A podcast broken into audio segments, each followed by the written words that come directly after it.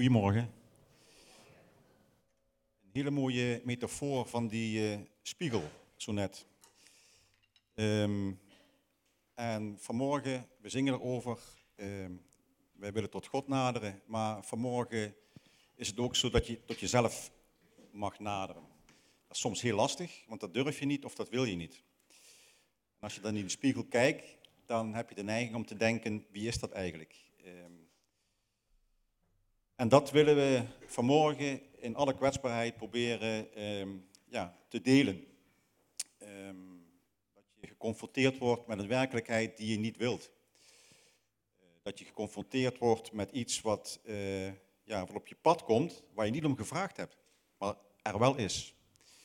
Het gaat om twee werkelijkheden vaak. Hè? De werkelijkheid van de geest van de heerlijkheid. Uh, dan is het glorie maar ook de werkelijkheid van de geest van de troost. En dan weet je het niet meer. Dan weet je niet wat je moet doen. En dan moet je jezelf overgeven. Het leven kan soms pijn doen. Um, en dat kan op allerhand gebieden zijn. Dat kan te maken hebben met je, jezelf, wie je bent. Dat kan te maken hebben met je familie. Um, dat kan te maken hebben met uh, het feit dat je ja, zeg maar, uh, niet rond kan komen. Hoe ga je daarmee om? Hebben wij daar altijd antwoord op? Je opvoeding. Um, aspecten van verslaving. Um, uh, rare gedachten die telkens in je opkomen. En steek het niet onder stoelen of banken, mensen. Dat is de realiteit. En dat willen we wegschuiven, maar het komt telkens weer terug. Dat is lastig. Maar één troost, u bent niet de enige. U bent niet de enige. En daarvoor zijn we mens en daarvoor leven we ook in die, ja, zeg maar die twee sporen van de werkelijkheid van dit bestaan. En eh, dan kun je jezelf de vraag stellen van, ja, wat als ik mijn baan verlies en ik geen uitzicht heb? Ik weet het niet. Ik weet het niet. Wat als je plotseling wordt geconfronteerd met een slecht nieuwsbericht. Of van een geliefde of van jezelf. Ben je bij de arts of in het ziekenhuis geweest en er is geen uitkomst meer. Dan weet je het niet. En wat als er een probleem is hè, in je directe omgeving, in je relatie, in je gezin, met je man en met je vrouw, wat dusdanig escaleert dat je het niet meer weet. En dan? Lieve mensen, dat is een stukje realiteit van ja, ons leven. En vanmorgen willen we daar uh, ja, proberen in alle eerlijkheid uh, bij stil te staan. En uh, er ook achter te komen dat het niet alleen voor die of voor die of voor die persoon geldt, maar dat het ook voor jou geldt. En daar hoef je je niet voor te schamen. Daar hoef je je niet voor te schamen. En dat heet kwetsbaarheid. Nou, we doen dat samen. Linda. Linda zit daar. Kom maar naar voren. Hè. En ehm, nou goed, jij gaat het nu uh, wat overnemen. Nou ja, we en, doen het samen. Hè? En we doen het samen. Maar uh, dit is nu jouw onderdeel. Ja? ja. Goed. Nou, blijf maar staan hoor. Ja, ik ga deze kant staan. Dat is goed. Um, ik zat in de wachtkamer, of niet ik, maar wij zaten in de wachtkamer, Jan-Pieter en ik. En uh, dat zaten we in het academisch ziekenhuis in Maastricht. Raar, want we waren niet ziek. En toch was er een uh, uitslag die ons stond te wachten, die een groot deel van ons leven zou bepalen. De arts liep ons, riep ons naar binnen en die zei, nou, ik heb hier de uitslag voor me. En de kans dat jullie op een natuurlijke manier kinderen krijgen is iets meer dan 0%. Maar er is een behandeling wat uh, ervoor zorgt dat de kans wel iets groter wordt. Wat dan volgt is um, een worsteling met mezelf, een worsteling met God, een worsteling met Jan-Pieter, schaamte, kwetsbaarheid. Nou ja, ik, ik, zou een hele doos kunnen openmaken van dingen die er dan volgen. En zoals Jan ook al aangaf, is dat eigenlijk waar we het met elkaar over uh, gaan hebben deze ochtend. En we hebben drie mensen gevraagd, nou eigenlijk vier, om eh, daar iets over te delen. Ik zou willen vragen of jullie naar voren willen komen. En eh, Het is een beetje cliché, maar zou je deze mensen een applaus willen geven? Want wat we gaan doen is super.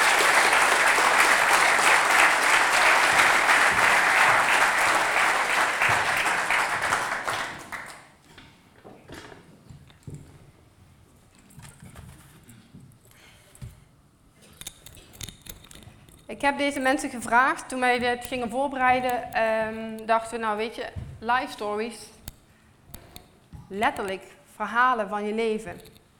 En um, Jan en ik dachten, weet je, we gaan mensen vragen. En dan vragen we ze, um, zou je iets willen vertellen over een periode in je leven waarin je het niet meer wist? Een periode waar je overweldigd werd met vragen.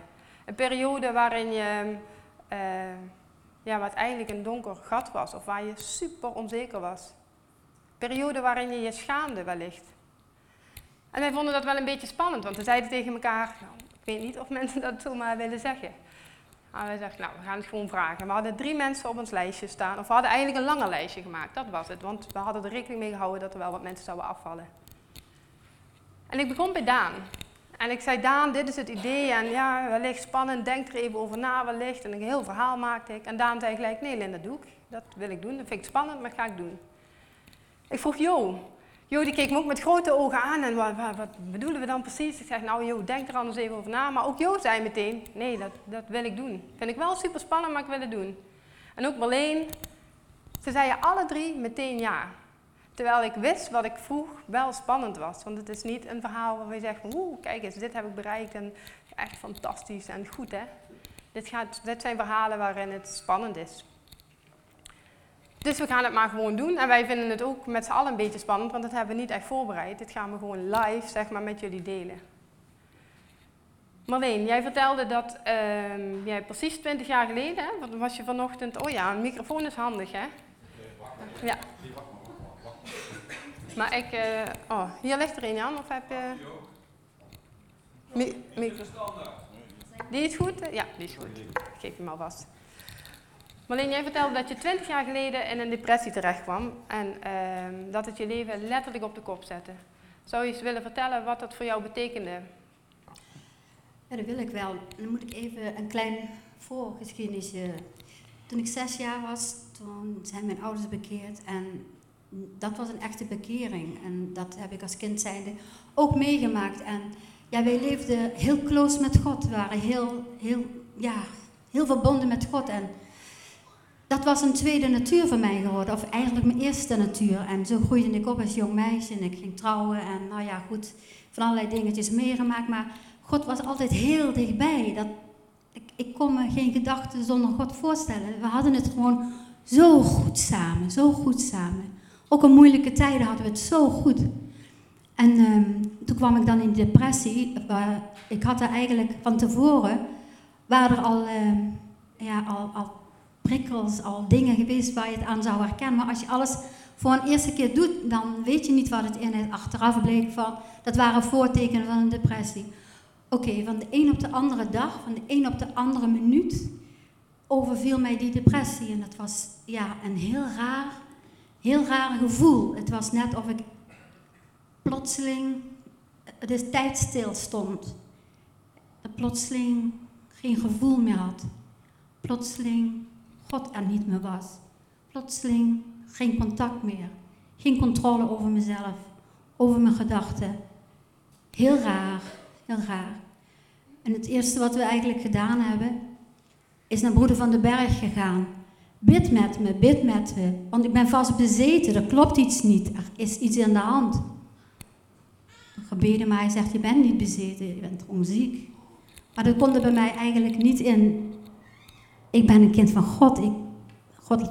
God laat mij niet alleen. God laat mij, ja, dat ik een depressie had, had ik niet gelijk in de gaten, maar dit was gewoon heel erg, erg voor me.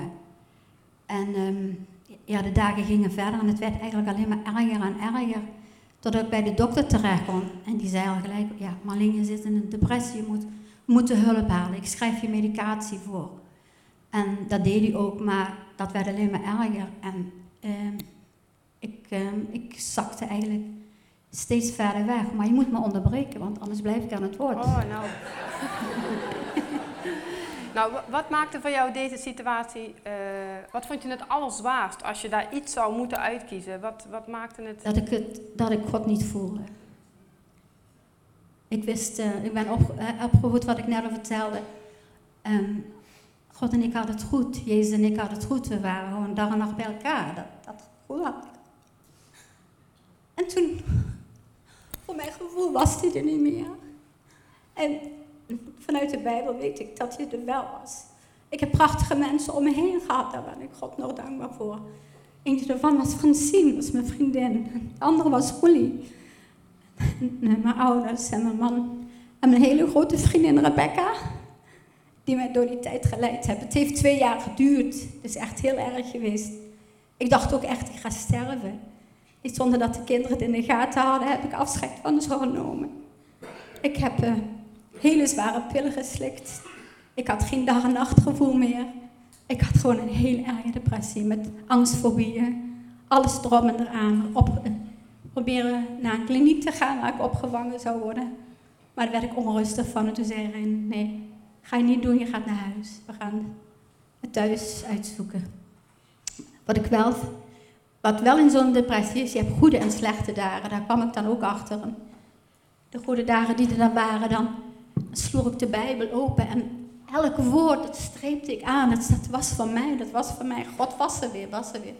Maar er waren ook momenten dat het wegzakte en dan voelde ik hem niet meer. Dan was het hem schallend kopen en daar begreep ik gewoon helemaal niks van. Op een gegeven moment werd ik, um, kwam ik erachter dat ik allergisch was na een half jaar Prozac slikken van de Prozac. En uh, ik had daar uh, van, blauwe plekken van. Toen ben ik gestopt, heb ik andere middelen gehad. Dat was ook vreselijk, ben ook mee gestopt. Toen heb ik echt ook tegen de gezegd van, Heer, kom ik om, dan kom ik om. Dan, dan is het zo. Maar God zij dank voor de gebeden, voor de gemeente, voor de mensen om me heen. Die zeiden van, luister, jij kan nu niet bidden, zei Jerolie. Ik bid nu voor jou.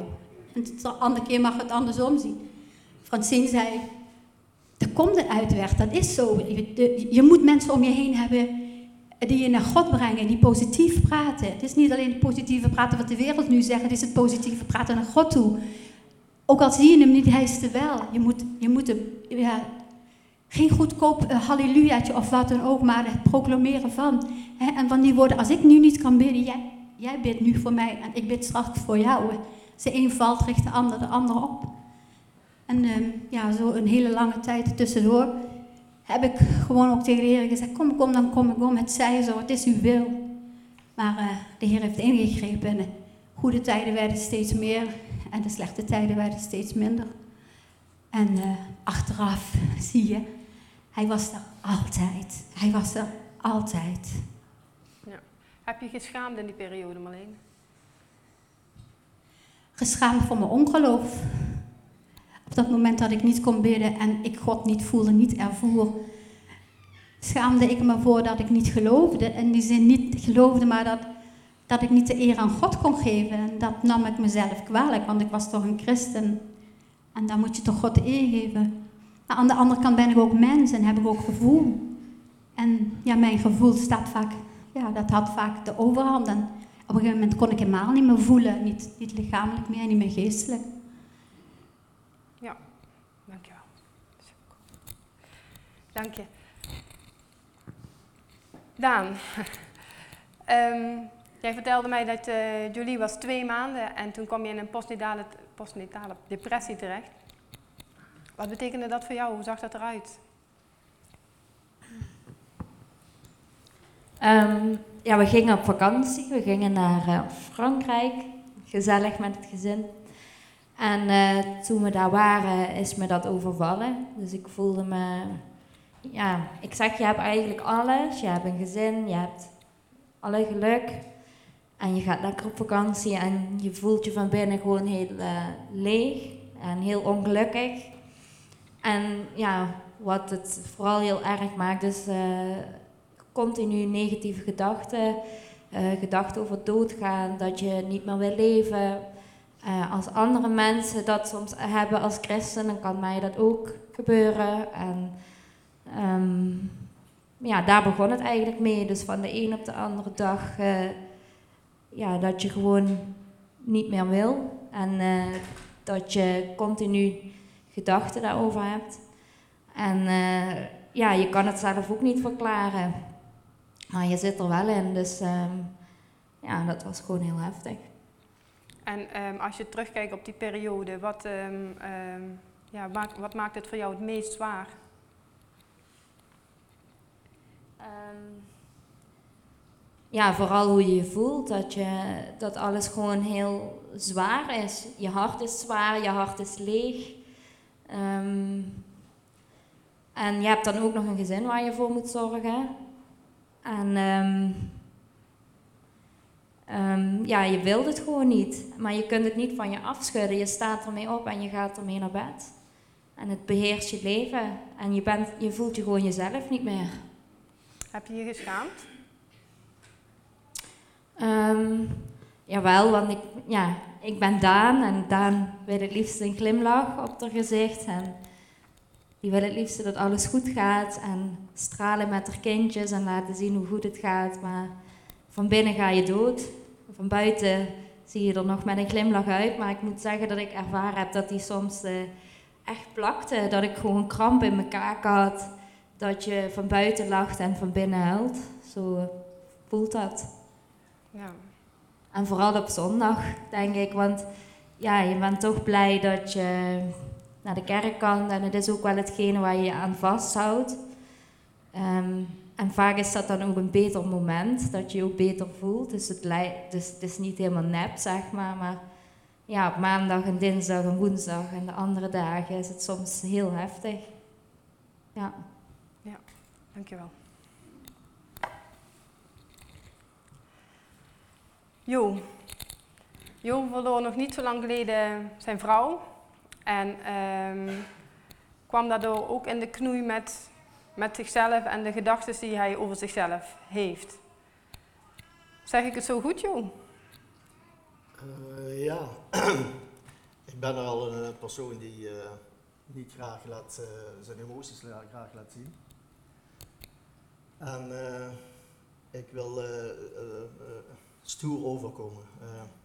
Eh, ik ben, ik ben eh, Jo Konings en eh, mij, zo, wat er gebeurt ook, ik blijf altijd positieve ervan inzien. En dat wil ik in, in, het begin dat ik getrouwd was, of toen dat ik getrouwd was, dat ik, dat getrouwd ben, toen hebben we, eh, Helma en ik hebben toen gewoon altijd de arbeid, eh, het werk op, op de eerste plaats. Kinderen dachten we helemaal niet aan. En toen ben ik eh, wedergeboren christen geworden. Ik heb een katholieke opvoeding gehad. En toen, eh, na een tijdje, zijn we toch over kinderen gaan denken. En doordat ik wedergeboren christen was, eh, zijn we daarvoor gaan bidden. Want het gaat bij mij eigenlijk hoofdzakelijk om dat, eh, dat ik, eh, het, het bidden is bij mij eh, op, een, op, een, op, een, op een plek gekomen waar ik, waar ik het niet meer kan, ja, niet meer kan thuisbrengen. En daar hebben we toen voor gebeden voor kinderen te krijgen. En we waren al op eh, leeftijd eigenlijk, want toen Rachel werd geboren, toen was Helma was toen 40 en ik was dan 45. Dus eh, dat ging maar niet zo van een leien dakje, van eh, we zijn er. Maar ineens was Helma in verwachting. En dat was bij mij was dat van, eh, ah, daar hebben we voor gebeden en dat hebben we zo gekregen. Of God heeft ons dat gegeven. Oké, prima. We gaan naar het ziekenhuis, we, we, we, we eh, krijgen doktersonderzoek en dat ziet eigenlijk allemaal. en dan wordt ook op een gegeven moment gezegd van, eh, voor een eh, punctie te laten doen, want je bent al op een oudere leeftijd. En toen hebben we de beslissing genomen van dat doen we niet, want wij hebben dat kind van God gekregen. En Helma is daardoor door het bidden is Helma in verwachting gekomen. En daar gaan we eh, mee door. Dat, dat, dat, eh, daar hoeft eh, een dokter niks aan te doen. En eh, dat is zo gebleven. Eh Rachel is met eh, veel moeite is ze geboren.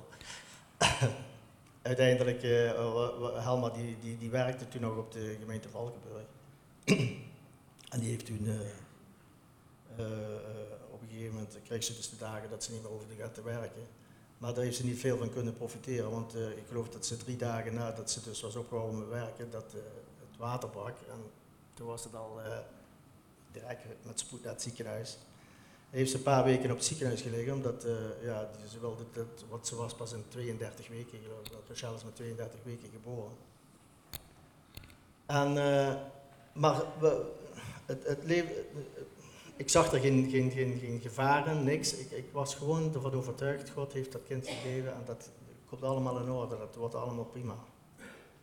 Dus Rachel was eh, een heel klein kindje, niet, eh, niet op gewicht, was 1930 kilo. Eh, nee, nee.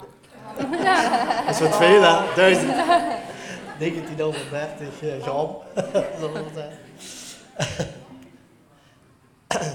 maar, eh, dus dat was voor ons, al, eh, voor mij tenminste, was dat, en was voor Helmer was dat ook zo.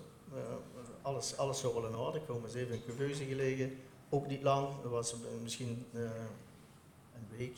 En toen eh, kwam ze er al uit en toen kon ze al voeding krijgen en zo. Dus dat, is allemaal, dat was allemaal goed. En toen kabbelde alles eh, gewoon voort en ik, en ik eh, ja, beleefde, ja, gewoon, alles gaat goed, alles is prima, alles is oké. Tot op in 2000, eh, begin 2000, eh, dat Alma toen de eerste dingen al kreeg van dat ze wat aan haar darmen had of zo. Maar die is ook in het Roermondse ziekenhuis heeft ze toen gelegen. Daar hebben we ook weer voor gebeden.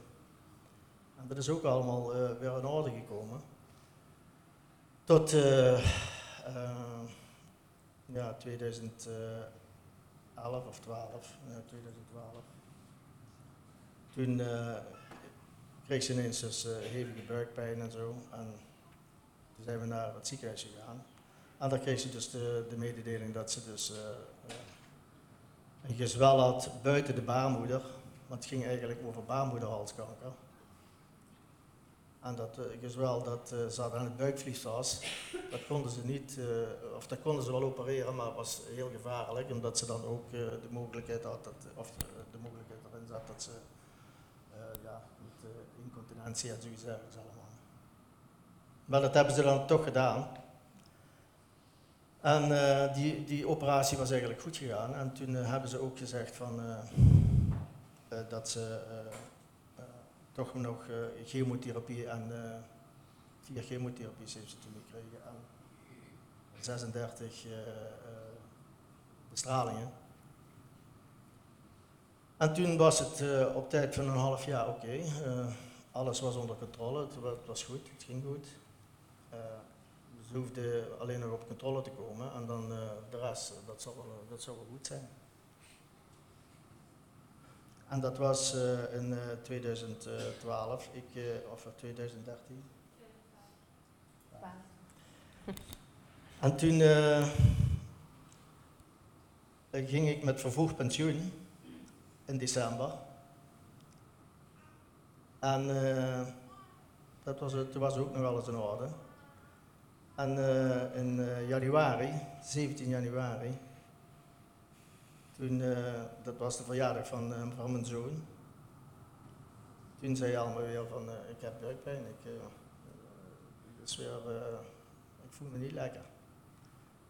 En toen is, zijn ik zeg, ja, dan moeten we weer terug naar het ziekenhuis, zijn we weer terug naar het ziekenhuis gegaan. En daar hebben we de mededeling ook, was eigenlijk, viel ons eigenlijk koud op, op, op het dak dat, ze dus, uh, dat er niks meer te doen was. Uh, er waren uitzaaiingen. En uh, ze zouden nog één keer proberen met een chemotherapie. Dat hebben ze ook gedaan. Maar dat is toen ineens zo slecht gegaan allemaal. De, ik, ik, kan het eigenlijk bijna niet, niet, niet, geloven. Maar, en toen kreeg ik mijn twijfels. En toen zijn we ook gaan bidden met Martin aan van de, van de gemeente Valkenburg waar ik toen bij was. En eh, op het ziekenhuis zijn, zijn we toen allemaal bij elkaar gekomen, we hebben gebeden voor. En bij mij ging dat maar, eh, ik zat er wel bij, ik, eh, en ik, maar ik, ik kreeg mijn twijfels. Ik, ik, ik was van, van, hoe kan dat nou? Eerst was alles zo in orde en eerst was alles zo goed. En nou ineens dan eh, krijg je de mededeling van, ja, daar is niks meer aan te doen, dat, dat, dat, gaat niet meer. En toen heb ik eh, echt mijn twijfels gekregen over eh, bidden. En dat is de grote mank, het grote manko nou wat ik nog steeds heb. Dat ik, als iemand tegen me zegt van ja, daar zullen we voor bidden. Dan zeg ik ja, denk ik dan bij mijn eigen.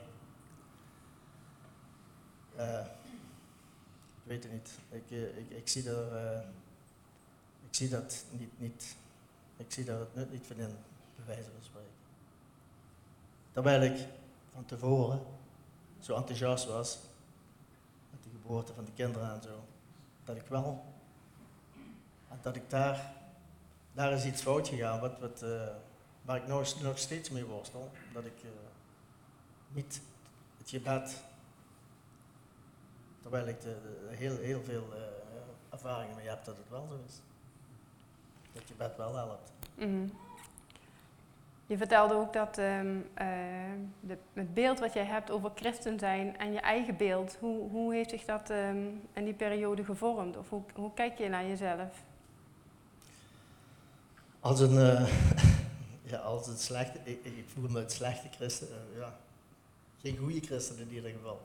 En waarom Ja. ben je geen goede christen? Omdat ik eh, eh, twijfel aan het, aan, het, aan, het, aan, aan, aan het gebed. Ik, ik twijfel ook eh, eh, om, om, om alles maar zo aan te nemen. Van, van, ja. Ook Bijbel lezen bijvoorbeeld. Eh, ik, ik, eh, dan ben ik in de Bijbel aan het lezen en dan denk ik, eh, één bladzijde heb ik gelezen en dan denk ik, wat heb je nou gelezen? Wat, wat, wat stond daar eigenlijk in? Wat, en dan moet ik het weer opnieuw lezen. En dan moet ik het nog eens een keer lezen. En nog eens een keer lezen. Maar het dringt niet tot me door. Ik, ik ben met andere dingen bezig. als dat ik met de Bijbel lezen bezig ben. Mag ik hem even... Ehm, drie indrukwekkende verhalen, denk dat u dat met mij eens bent. En ehm, is niet helemaal gepland, maar dat is wel wat ik me nu bedenk. Ik zou jullie willen vragen, wie van jullie herkent dat hij denkt, ik ben geen goede christen of geen goed mens? Wie twijfelt er wel eens? Wie, wie denkt, shit, ik schaam me eigenlijk. Zou je eens willen staan?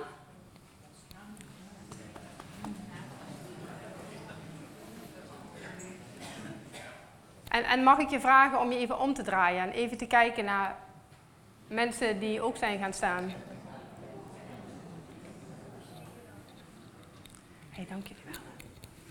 Jo, ben jij alleen in deze vragen en Daan en... eh, Nee, ik, ik, ben niet alleen. Nee.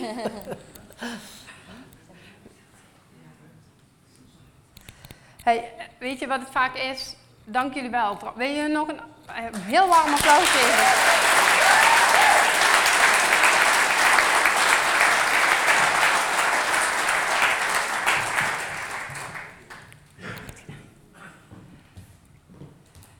Weet je wat wij vaak doen, wat ik ook vaak doe, is dat we door de week eh, trekken we onze jas aan. Eh, op zondag onze zondagse jas. En die jas die past perfect, daar hebben we heel veel in geïnvesteerd. Die ziet er echt heel mooi uit. Hij past ook precies. En daarmee eh, lopen we de week tegemoet. En wat heel belangrijk aan die jas is, is dat hij goed dicht kan. Of goede knoopjes, of in ieder geval een rits. Hij moet in ieder geval goed dicht kunnen. Want onder onze jas ligt onze schaamte, ons niet weten, ons eh, frustratie, onze, nou ja, alles wat er in ons is, eh, waar we ons voor schamen. En die zorgen dat die dicht blijft. En dat is ook goed, want ja, het is niet overal eh, heel verstandig om te zeggen, eh, ik weet het niet, of eh, eh, ik kan dit niet, of ik voel me niet waard, of ik voldoe niet aan de lat. En als christen doen we dat ook heel vaak. En weet je wat nou het, wat het verdrietige is? dat u waarschijnlijk net zo zit te worstelen als je buurvrouw. Alleen weet je dat niet van elkaar. En we worstelen allemaal. We hebben allemaal schaamte.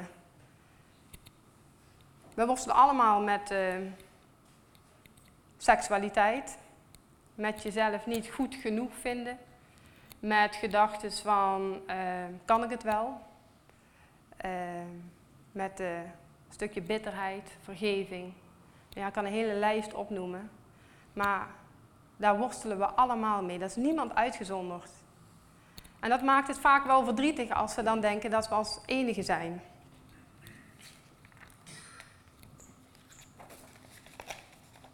Schaamte. Dat is eigenlijk dan hetgene waar we uh, het meest bang voor zijn en wat we vooral niet willen. En schaamte is de angst om te verbinden met de ander. Angst om te zeggen, um, ik ben niet goed genoeg, ik ben het niet waard, ik voldoen niet aan die lat. Dus ik ben het niet waard om aan verbonden te worden. En um, angst is ook, uh, of uh, schaamte uh, ondermijnt je eigenwaarde. Wat het eigenlijk doet, is het stuurt je gedacht aan. Shit, schaam me.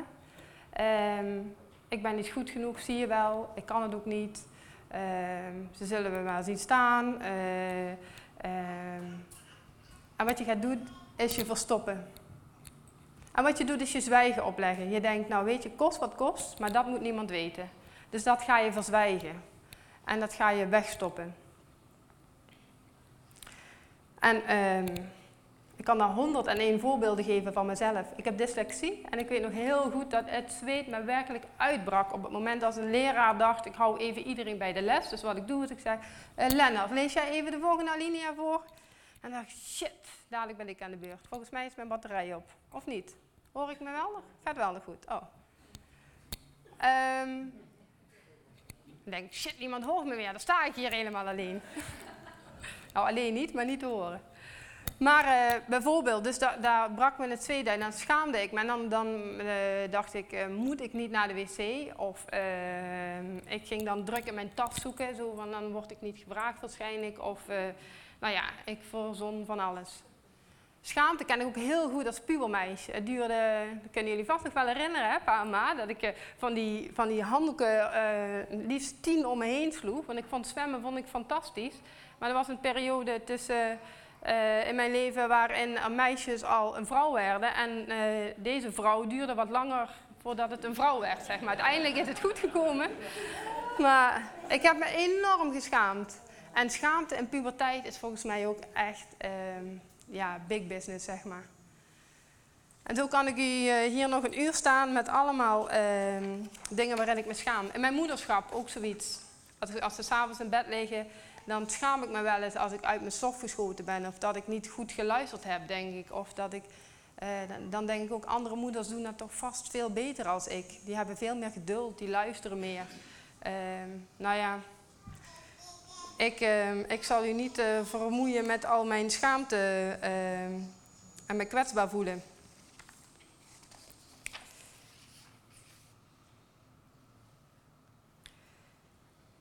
Maar het gevaar is wel als je je dus schaamt, uh, uh, dat je dat verstopt en verbloemt. En daardoor ander gedrag laat zien wat je eigenlijk graag zou willen. In plaats van dat je zegt, ik vind het lastig, kan het zomaar zijn dat je uit je slof schiet. En dat je dus gaat schelden of schreeuwen of uh, nou ja, nog meer van die dingen die we dan gaan doen.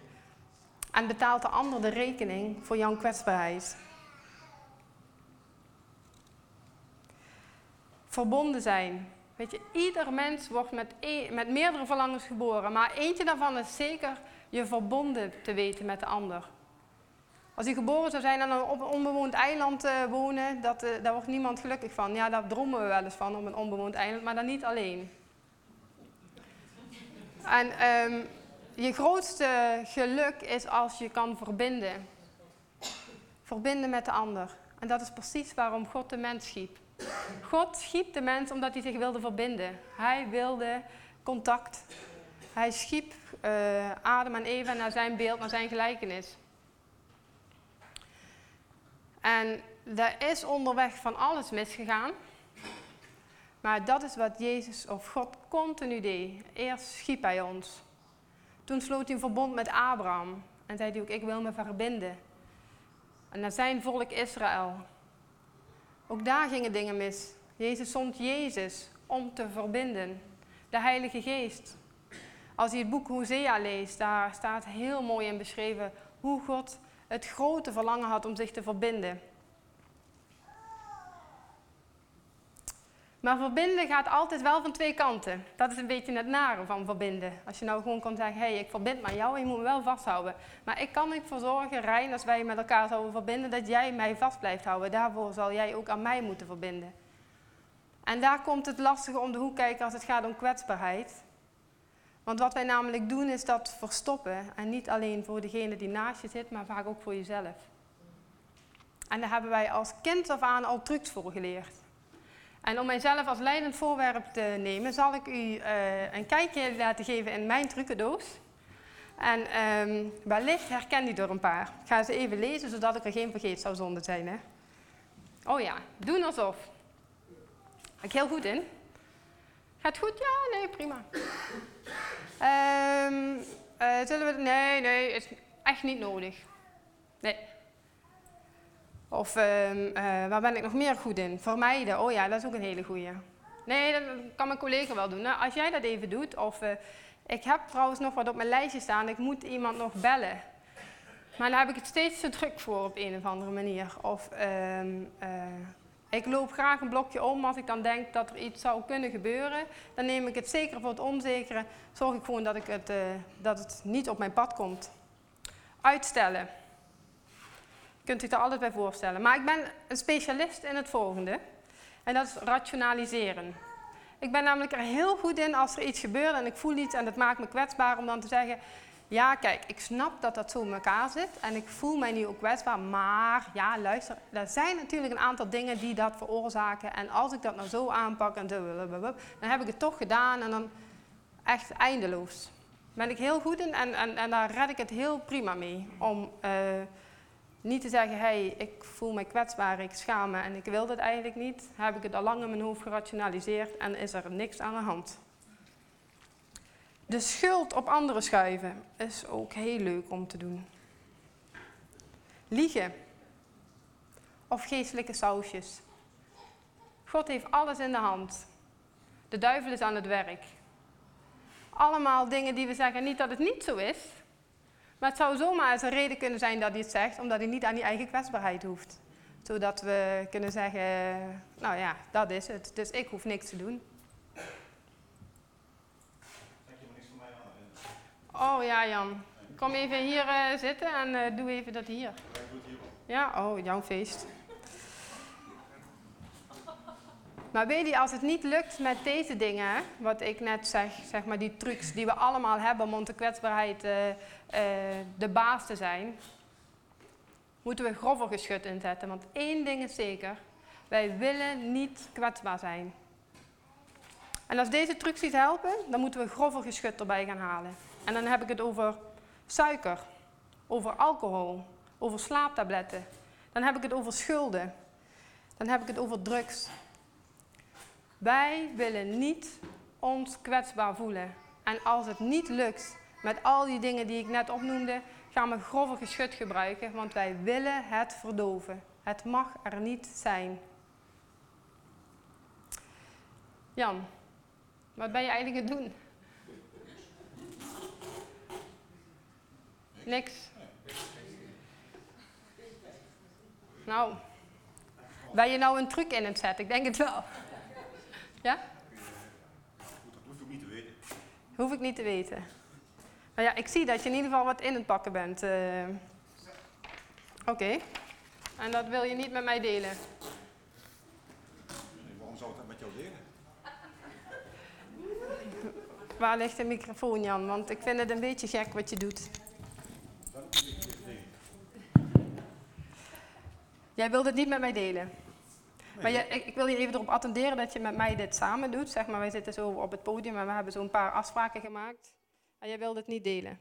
Nee, dat uh, gaat toch niet mijn, uh, mijn uh, geheimen met jou delen? Oh, daar zitten jouw geheimen in. Wel ja, maar dat, dat is voor mij. Oké.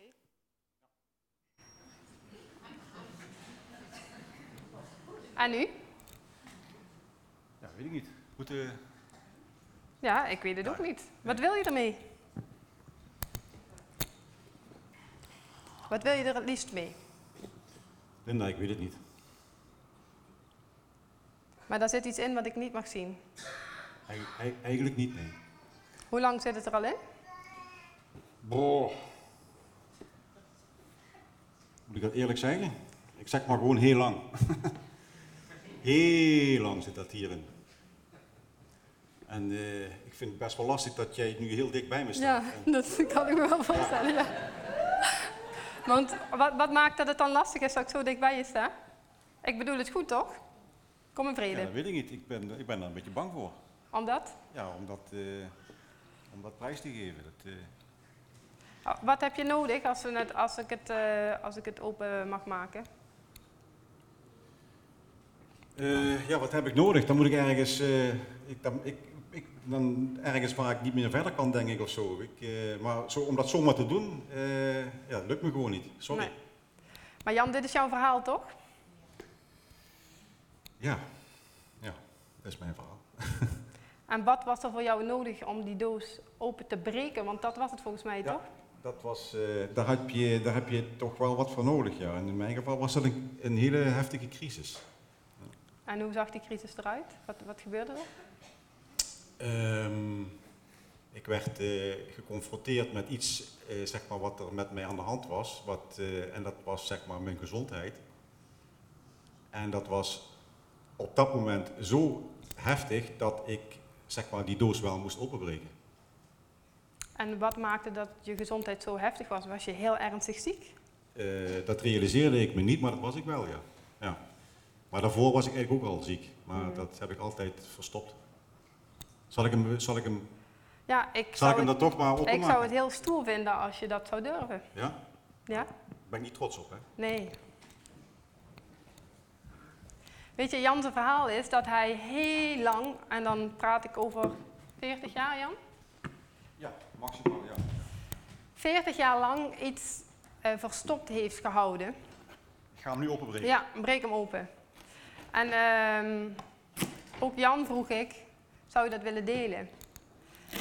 En Jan heeft nog niet zo lang geleden, heeft hij zeg maar zijn come-out gehad, zoals dat heet, is die doos open gegaan.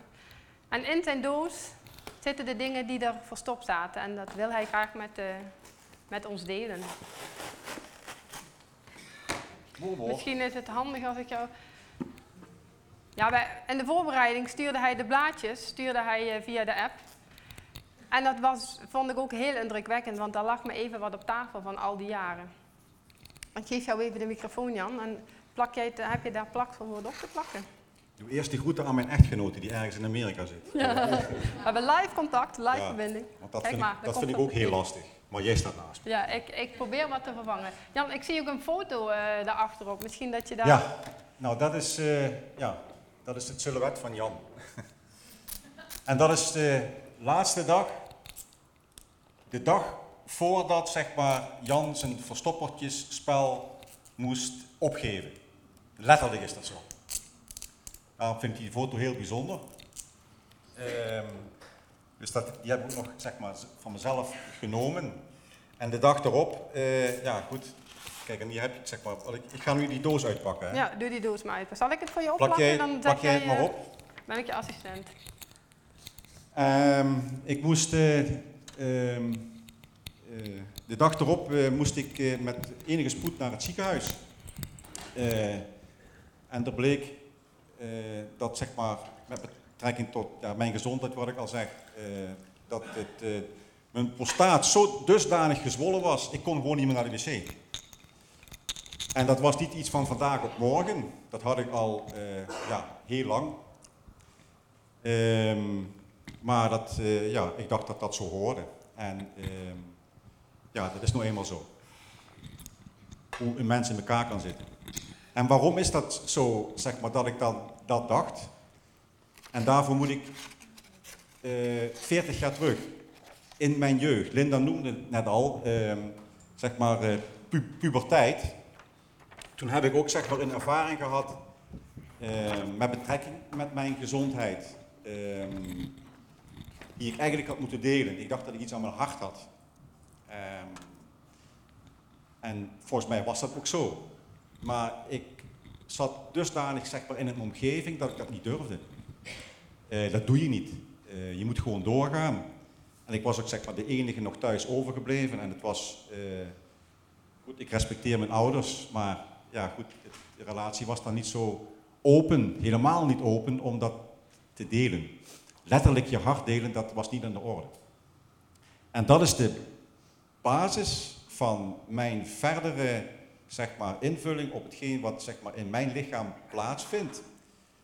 Dat ik dacht, eh, dat moet zo zijn, dus ik heb zeg maar, altijd dat deel vermeden en verborgen gehouden voor iedereen, in- inclusief mijn echtgenoot. Ja, daar ben ik dus niet trots op. Ik was een zorgmeider. Maar Jan, Ehm, als ik... wanneer, wanneer, wie heeft dat voor me opgeschreven? De dokter. Oh ja, de dokter zei dat tegen Ja. jou, ja. Maar waar was je eigenlijk bang voor? Want ik, ik, ik, Dat is een hele goede vraag. Weet ik niet. dus je was, je was bang Ja, voor iets heel geworden? raar. Ja. Bang om af te gaan. Ehm, bang om straf te krijgen. En van wie? Ehm, ja, of van de directe omgeving. Eh, ik weet niet, van ouders of... Ja, daar kan ik geen antwoord op geven. En daaraan verbonden ook, zeg maar ook voor medische toestanden of doktoren. Ik was gewoon als de dood voor een dokter. Ja. Ik ga hem opplakken.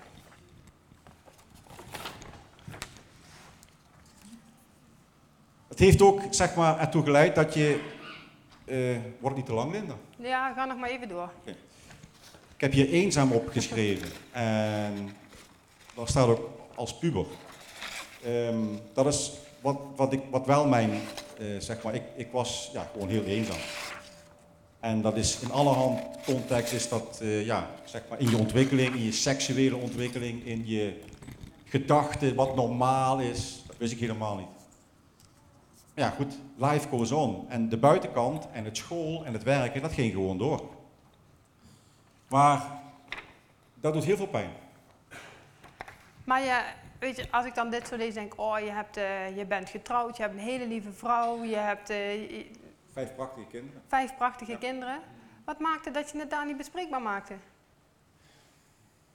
Ja, Linda, ik weet het niet. En, en Anneke, hoe was, hoe, zei Anneke niet Jan, eh, Ja, daarom kom? zei ik van jammer dat ze niet hier is. Die wist dat ik iets mankeerde. Eh, ik zal dat laat ik eh, ook laten zien. Wat die mankeert, heerlijk, verheug ik me nou wel op. En ehm, die wees mij daar ook op, maar ik, neg- ik negeerde dat. En dat was gewoon zo bot en zo eh, ja, afwijzend van mij, ja, dat zij het ook niet meer wist. En zij ook ruggespraak ging houden bij iedereen. Volgens mij bij, ook bij mensen van jullie is geweest. Van die man die heeft allemaal dingen op zijn lijf en eh, die doet er niks aan en ik ben bang dat hij doodgaat en zo. En Jantje zat dan met een heel uitgestreken gezicht, gezicht op dat moment. En ik deed er gewoon niks aan. Maar, maar, eh, ja. maar dan in, eh, eh, in de kerk dan? Ja. Hoe- hier, sta je hier op voor, dat, voor die, voor die preekstoel wel eens. Of je moet vergaderingen deelnemen. Daar zit je dan met je goede gedrag. Ja. Dus hoe een mens zich kan, zeg maar, vermommen dan op dat gebied. Maar als Anneke zei van kom, we gaan naar de dokter of Ja. zullen we er samen voor bidden? Wat, wat, Ja, dat is ook zo'n, zoiets. Dat was dan mijn excuus, uiteindelijk ook naar Anneke toe. Ehm, toen kwam het erop neer, inderdaad, daar gaan, er is ook voor gebeden, dat is ook wel een keer gedaan. En toen zei ik tegen Anneke, dat is een zaak tussen mij en God. Maar dat was je puurste manipulatie. Echt waar. Dus ja. Ja. ja, ik vind het super stoer Jan. maar dus je zegt dus eigenlijk... En, eh, daar, en, daar, en ja. daar had, had zij ook geen, eh, ja, Had zij dus geen vat op? Want ook, je- eh, nee. ja, dan, dan is het maar zo. Dus ja, Maar als ik het samenvat, zeg je dus zo, mijn angst, wat niet reëel was, bleek dus nu, hè, was zo groot geworden dat je dat hermetisch afsloot. En God kon er niet bij, Anneke kon er niet bij, niemand kon erbij. Ja, nee, dat is ook zo. Maar van de andere kant, het gekke is dat je wel ervaart dat je leven wel geleid wordt. Hoe raar dat ook klinkt. En dat weet ik ook niet, daar heb ik geen verklaring voor. Eh, komt dat doordat ik hier ben, in deze gemeenschap, wellicht. Eh, ja, ik heb een pracht van een vrouw eh, getrouwd. Ik, wat dat betreft zijn we gelukkig en alles, maar ja, Hoe voelt het? Want ik ben nou wel heel benieuwd. Je, je, je moest op een gegeven moment naar de dokter omdat Ja. je een crisis kreeg. ja, En dat is vaak het trieste van ons kwetsbaar zijn. We hebben heel vaak is dan de crisis hetgene wat ons echt een schop onder de kont geeft. eh, zodat we eh, naar buiten gaan. Dus Jan, die, eh, inderdaad, eh, Jan die, die kon niet meer. En eh, ja, bel nu maar de dokter en ik zat op de bank en ja, goed, ik zag, heel, ik wat dat betreft, ik zei gewoon niks meer. En ik met Anneke naar het ziekenhuis. Ehm, ik ben die dag zelfs niet naar de huisdokter geweest, want dat durfde ik niet. Toen gingen we naar de eerste hulp, dus het was maandagsavonds. En eh, ja, toen kwam ik daar en ja, goed, ik, eh ik zweette ook net geen bloed. Dat is gewoon niet te beschrijven. Ja, ik kon ook niet meer. Ja, goed, en toen moest ik met de billen bloot. Letterlijk en figuurlijk. Letterlijk. En dat ga letterlijk ik nu en laten figuurlijk. zien, dames en heren. Nee, maar het eerste wat ik tegen die dokter zei van, eh, ik ga nu mijn vestje uittrekken. Dit heb ik nog nooit gedaan. Kom hier, ik ben je assistent. Ik heb hier allemaal van die van, ze zitten er nog hè, van die bloten zitten en ze zitten op de benen. Terwijl ik daar niet voor kwam. Ik lag daar te kermen van de pijn, ik kon, mijn blaas, er zat 2 liter urine. Daar zat 2 liter urine in, 2,5 liter urine in. En daar ging het eigenlijk om.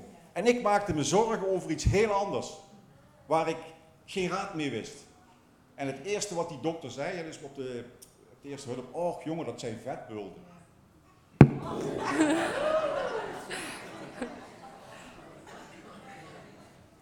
Ja, Ja, ja. Nou ja, goed. En eh, nou goed, ik kan het verhaal. Goed, ik ben uiteindelijk geopereerd. Heel goed behandeld door al die artsen. Ik ben vanaf die tijd, dus vanaf dat is nu, dat is eh, bijna een jaar geleden. Ik ben zeker tien keer al bij een arts geweest, bij de huisdokter geweest. Ik heb alles laten onderzoeken, want ik maak nu het verhaal even af. ja hoor, zeker. Ja. Eh, risicoanalyses, hartfilmpjes. Er is wel wat met dat hart aan de hand, maar ja, goed, dat schijnt niet al te erg te zijn. Maar goed, dat, eh, en hier, daar, goed, daar gaan we ook nog wat aan doen. Ehm, dus ja, wat er dan in je leven gebeurt, lieve mensen, dan eh, op een gegeven moment, dan mag je, op een, dan mag je, eh, dan mag je zijn wie je bent. En bij mij is dat heel laat begonnen. Ik ben 61. Deer Alte. Ja. Ja. Eh, maar wat dat betreft ben je zo blij als een kind. En dat ben ik nog steeds. En ik heb het hier al, ik heb het al eens een beetje gedeeld, het verhaal hier. Maar ja, goed, ik ben gewoon gelukkig. Maar Jan, ik, ik heb wel nog een gouden vraag. Ja, je doet het hartstikke goed. Ik heb een gouden vraag voor je. Nou zullen hier vast mensen in de zaal zitten die ook geheimen of dingen hebben wat, wat ze heel groot gemaakt hebben. En die, niet, die eigenlijk helemaal niet reëel zijn. Nee. Maar wat is nou jouw advies of tip aan hun? Ik kan niet nu zeggen, mensen, kom er maar mee tevoorschijn, want dat kan je misschien helemaal niet. Het enige wat ik kan aangeven aan jullie, doe het. Is het niet vandaag, dan is het morgen. En vooral wij mannen, daar ben ik er zelf ook een van, zijn meester in het verbergen. Echt. Kom niet te dichtbij, want dat is, daar ben ik veel te stoer voor. Ehm, en daar heb je geen bal mee te maken. Ja, om even zo uit te drukken. Ja, ja. Want mens, of mannen zijn, zijn heel goed in dat afschermen. Hè. Die zijn, heb wel eens van iemand gehoord, een man die heeft zijn identiteit op zijn werk. Daar is die, eh, de man. De man die heeft een stukje van zijn identiteit in zijn gezin. Daar is die papa. Hè, de kinderen, en dat kan ook nog wel. Maar de man heeft ook een verborgen identiteit. En dat is heel vaak waar. Ik wil niet zeggen dat het altijd zo is, maar in mijn geval was dat wel. En wij zijn meesters in het geheim houden. En eh, uiteindelijk heb je alleen nog maar jezelf daarmee. En dat wil niet zeggen dat je geen enkel geheim mag hebben. Maar voor mijn lieve vrouw heb ik geen geheimen meer. Eh, voor jullie heb ik nog wel geheimen, maar ik zeg ze niet allemaal. Nee, we hebben nog meer prekensessies daar moeten doen. Wordt, wordt, wordt vervolgd. Maar eh, ja, ik ben gewoon eh, heel blij dat ik hier mag staan. Ja, laten we een groot applaus geven.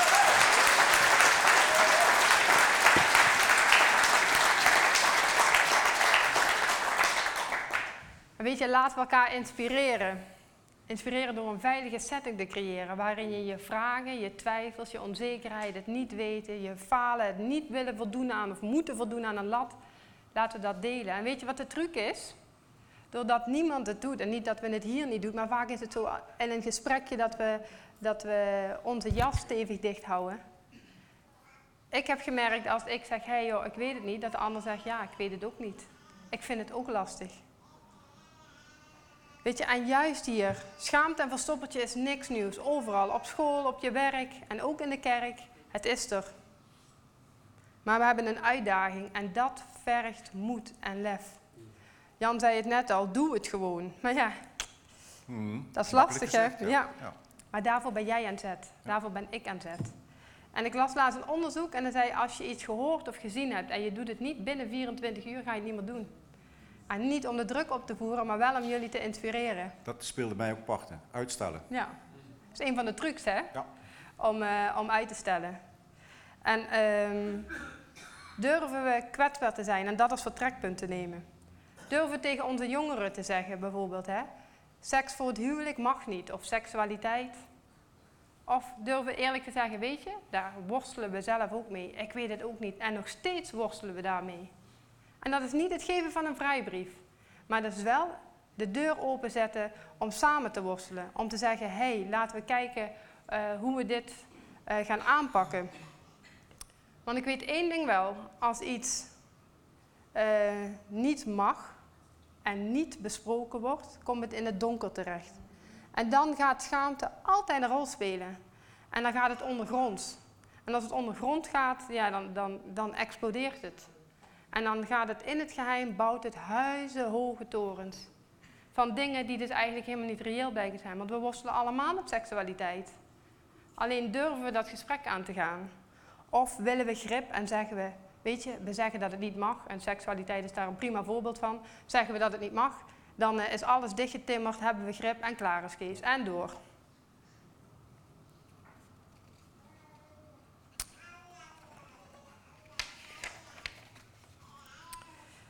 Ik geloof dat we als christenen een groot verschil kunnen maken als we hiermee de ander tegemoet gaan. Als het start bij onszelf, van binnen naar buiten.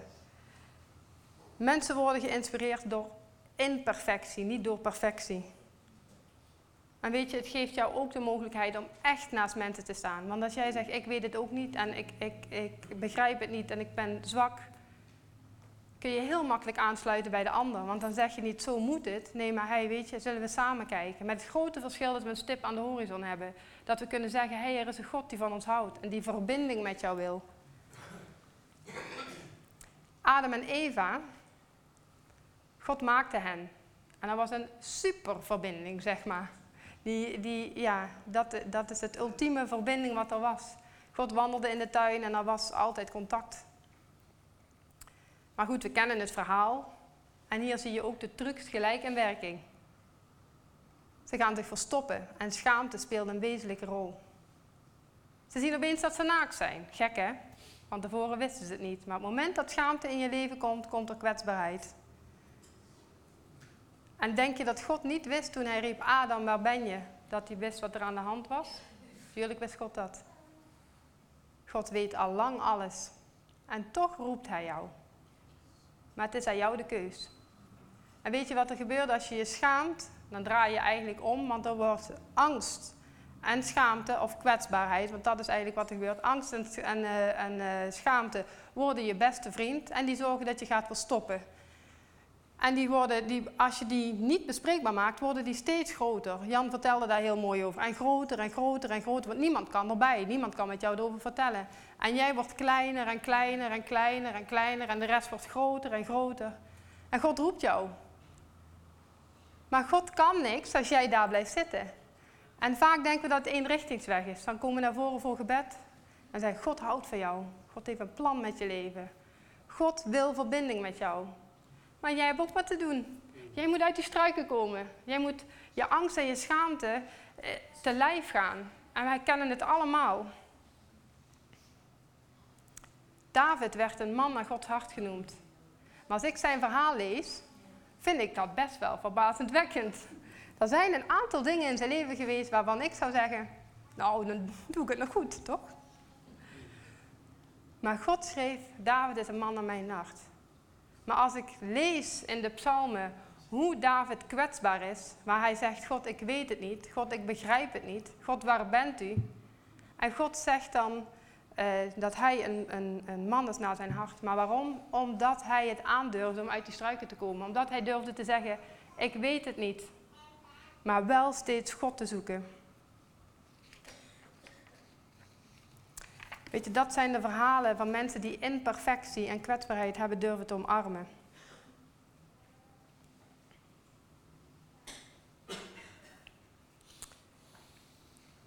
Haal het uit de anonimiteit. Dat is eigenlijk echt uh, ja, wat Jan ook zegt. Dat is wat we, wat we te doen hebben als we geheimen hebben. En omarm je imperfectie. Ik oh ja, hier ben ik. Even kijken. Schaamte en angst in de kerk is vernietigend. Hier zou een plek moeten zijn voor veiligheid, ruimte, groei en ontwikkeling. Samen zoeken, God eren. Want God heeft namelijk een bedoeling. Een bedoeling dat jouw leven betekenisvol is voor jezelf, maar ook voor die ander. Dat je invloed uitoefent op je omgeving. En in plaats daarvan kan het zomaar zijn dat wij veel meer bezig zijn met het in stand houden van onze kwetsbaarheid. Dat we bezig zijn om onze jas vooral goed dicht en die mooier te maken van de buitenkant. En dan wordt kerk zijn een act. Dan wordt kerk zijn een uh, schijnvertoning. Ik wil jullie vragen om naar het volgende liedje te luisteren. You know what? I noticed something. This is just being nice, okay? Yeah. But nobody in my church had any problems. It's just me. Everybody in my church was sick. Because we prayed for hearts and lungs and gizzards and knees and everything you can think of. But nobody had any problems. There weren't any marriages in trouble in our church. There wasn't anyone dealing with bitterness or self control or temper or unforgiveness. No one was addicted to anything. Everybody had it all together. And what that told me as a little kid is that I was messed up. It took me a little while to figure out you guys are messed up too, aren't you? yes, you are. You're messed up. But you know what? You know what your brothers and sisters in the body need to know? That. They don't need to think that you have it all together when you don't. It's so hard to hear from a perfect person. What I think we need to see in each other are broken people made whole. You know? I don't think it bothers the world that we sin. It bothers the world that we act like we don't. Right?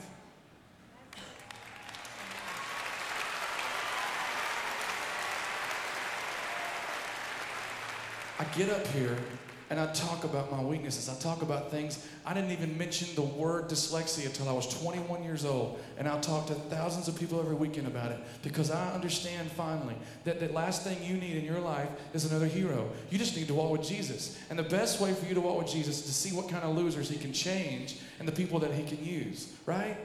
But, but, but we come to church, and this is just this is just me. Maybe you guys are rocking along. This is just me. Nothing but love, okay? But what I did as a kid is I, I turned into an adult that kept it all back here somewhere. It's kind of like I had a picture of what a solid believer looked like in my head. And I wanted to be him. That's not bad, is it? So I show up to church and I would be him. The problem was all the other stuff in my life that didn't fit that, I just kind of tucked it back here somewhere. And it kind of became a performance almost, you know? Making sure everybody knew that I was awesome Christian Mark guy. When I was probably sitting two or three seats away from somebody dealing with the same stuff I was, but I ripped myself off of the ministry and encouragement and prayer that the body of Christ can give each other. If we're not careful, church will become a, conform- a performance, and it's just another stained glass masquerade.